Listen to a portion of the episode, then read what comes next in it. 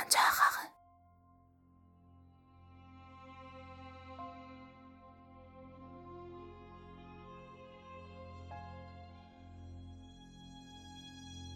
Şəhər ağır bir qarın yağıntısı altında quyulanmışdı.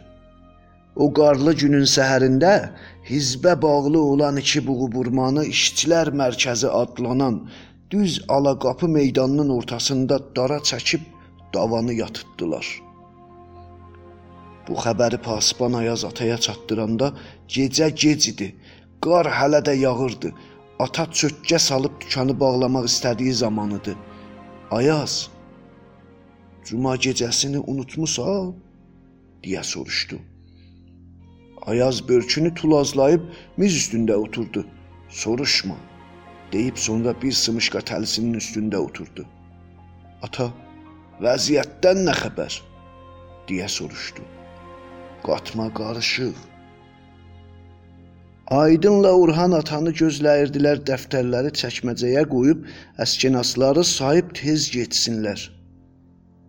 Ayazı qorxu basmışdı. İkisi də bir olayın baş verməsini düşünürdülər. O olay Ayazın üzündə dalğalanırdı. Ata olayın hamısını nöqsansız eşitmək üçün iki batman püstə, ha belə iki batman sımışqa verməyə hazır idi. Başını ona yaxınladıb Ayaz de dedi. Ayaz qalın buğların qailəsi bitdi dedi. Yox baba. Hə dedi. Arxasına tərəf qayıtdı. Dalana bir baxıb uşaqlarla özündən müğayət ol. Hizbə bağlı adamların bir iş görməklərinin ehtimalı var dedi. Ata Axı biz ki, biz ki özün yaxşı bilirsən dedi. Ayaz Kitab ya da hizb elamiyəsi yoxdur ki sizdə deyə soruşdu. Əbədən. Ayaz ola bilər bir elamiyə ya da bir kağız evə, dükana atalar. Ya da uşaqların məktəbdən gətirsinlər dedi. Aydınla Orhana bir baxıb uşaqlar Sizin ataz bir ömür abırısını qoruyub sizi bu buğlarıma and verirəm. Bir zaman iştida, müğayət olun, dedi. Ata, xırda oğlan məktəbə getmir, böyük oğlan gedir. O da bizim sözümüzə baş qoşmur, dedi. Ayaz qaşlarını düyünləyib ağzı həmişəkindən artıq açıldı. Bu məktəbdə nə görübsən? Hən? Bekarsan? Ondan sonra haranı almaq istəyirsən? deyib sonra ataya çıxart eşiyə dedi. Ata mənim də nəzərim elədir. Bu qarışmış vəziyyətdə hansı tərəfin doğru danışmağını biz ki bilmirik dedi. Ayaz atanın sözünü əli ilə kəsdi. Zərgəri savaş eşitmisən ki? Gündüzlər bir-birinin var-yoxuna hola qoşub, gecələr bir kasada şorba yeyirlər.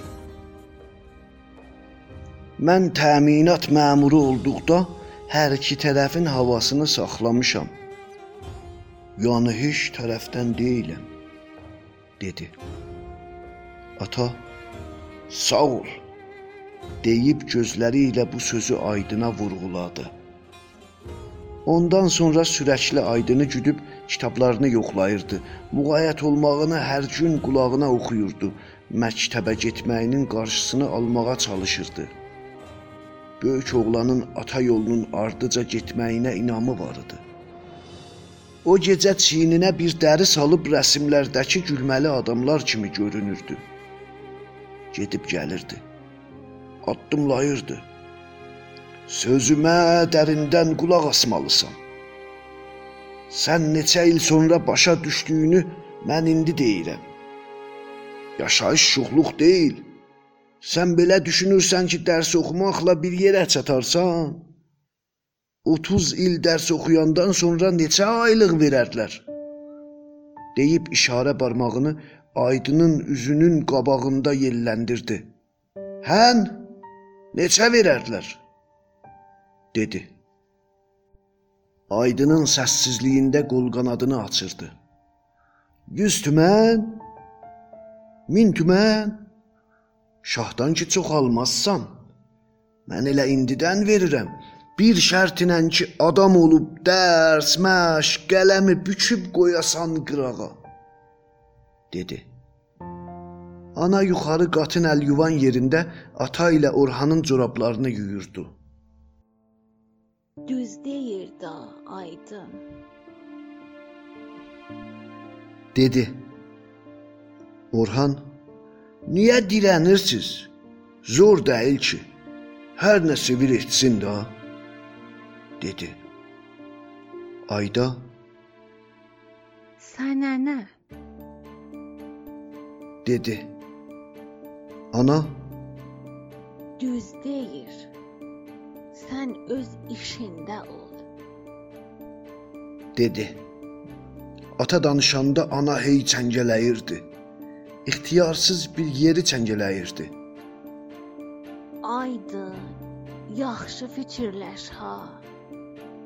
Ata o kürkünən yun dəri salınmış taxta üstündə oturduğuna tay heybətli idi. Atalıq gücü ilə qüruru ağzından ələnirdi. Mən bir belə il nə üçün çalışmışam? Kimə? Nəyə görə? Bəllidir da sizlər üçün. Bu şərtinlə ki, siz də mənim varlığıma, qazancıma zədə salmayasınız. Adama puluna görə hörmət edirlər. Başqalarına möhtac olmamağımız elə puldandır. Səndə belə bir bacarıq olduğuna görə sabahdan əsnaf olmağını istəyirəm. Aydın anlayırsan?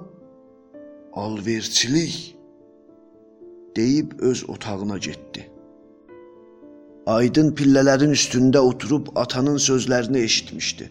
Ancaq üzünə baxa bilməmişdi. Qorxmaq ya da utanmağının fərqinə varanmamışdı. O gözlər ilə gözlükdə bir gücün var olduğu üçün həmişəkinə ta yalnız arxasından baxmağa məcbur olmuşdu. O gedəndən sonra deyə bilmədiyi çox zadların var olduğunu duydu. Atanın o qədər sıxıntı törətməyini istəmədən Orhanla keçinib onunla işi olmamasını istəyirdi.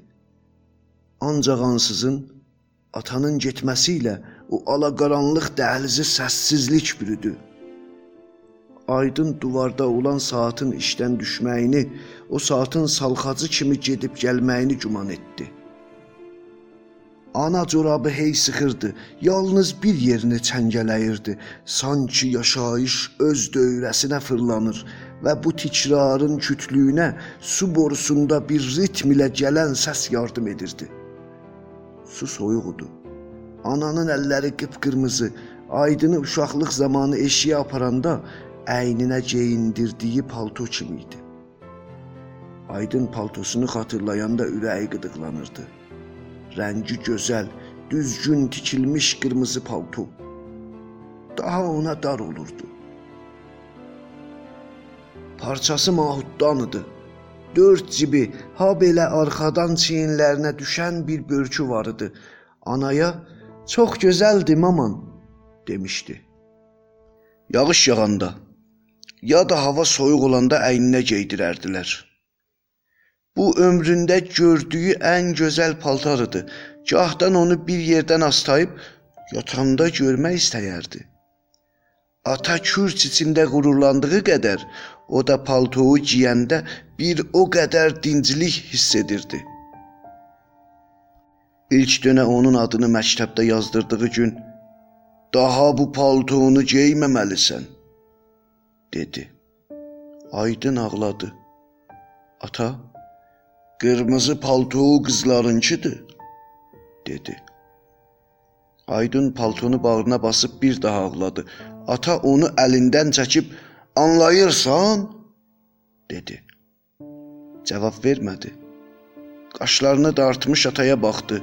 "Geymək istəyirsən de," deyirdi. Aydın başı ilə hən dedi. Ata, onda adını məktəbə yazdırmıram. Dedi. Aydın ağladı. Atanın bir ayağı məktəbin pilləsində olarkən bu işi uşağın boynuna qoymaq istəyirdi. Adını məktəbdə yazdırmaq istəyirsən, bunu daha geymə, dedi. Olsun, fəqət evdə giyərəm. Ata onun adını Ənuşirvani Adil məktəbində yazdırdı. Sonra Aydın o paltonu görmədi. Ancaq rəngi qırmızı və isti idi. Ananın indiki əli kimi soyuq değildi. Gün üstünə tutmaq istəsəydi, yəqin sümükləri tir çəkərdi. Onda dişlərini qısıb öndəki duvara baxmalı olardı. Ola bilərdi uşaqların atasının bu qədər könəz və hirsli olmasına fikirləşsin. Ölsə də sözündən dönməzdi. Ana Ata sənin nigeranındır. Deyir sən hər iş görə bilərsən. Deyir bu qədər bacarıqla, huşla hayıfdır. Özünün yanında olmaq istəyir. Sənin pisliyini istəmir ki. dedi. Aydın bilirəm ana dedi. Bən niyə? Deyib yenə səssizlik çökdü. Aydanın səssizliyi kimi. Başını aşağı saldı. Lax qara tükləri bütün üzünü örtmüşdü. Gözlərini Orhana bərəltməkdən başqa bir dönə də bir kimsəyə baxmaq üçün başını qovzamadı. İndi də əkiz tayısı qədər üzgün idi. Saatlar qara saçlarını özü ilə yaşamı ortasında örtü etməyə çalışırdı. Gecə yeməyində ata "Elə bil sən dirəşmək istəyirsən." Özünü göstərmirsən, fikr edirsən dünya yanı aydın. O qarışqanın məsələni eşitmisən? Onu su aparmış, soruşdu dünyanı su aparır. Bu mənə anlaşılmazdı, dedi.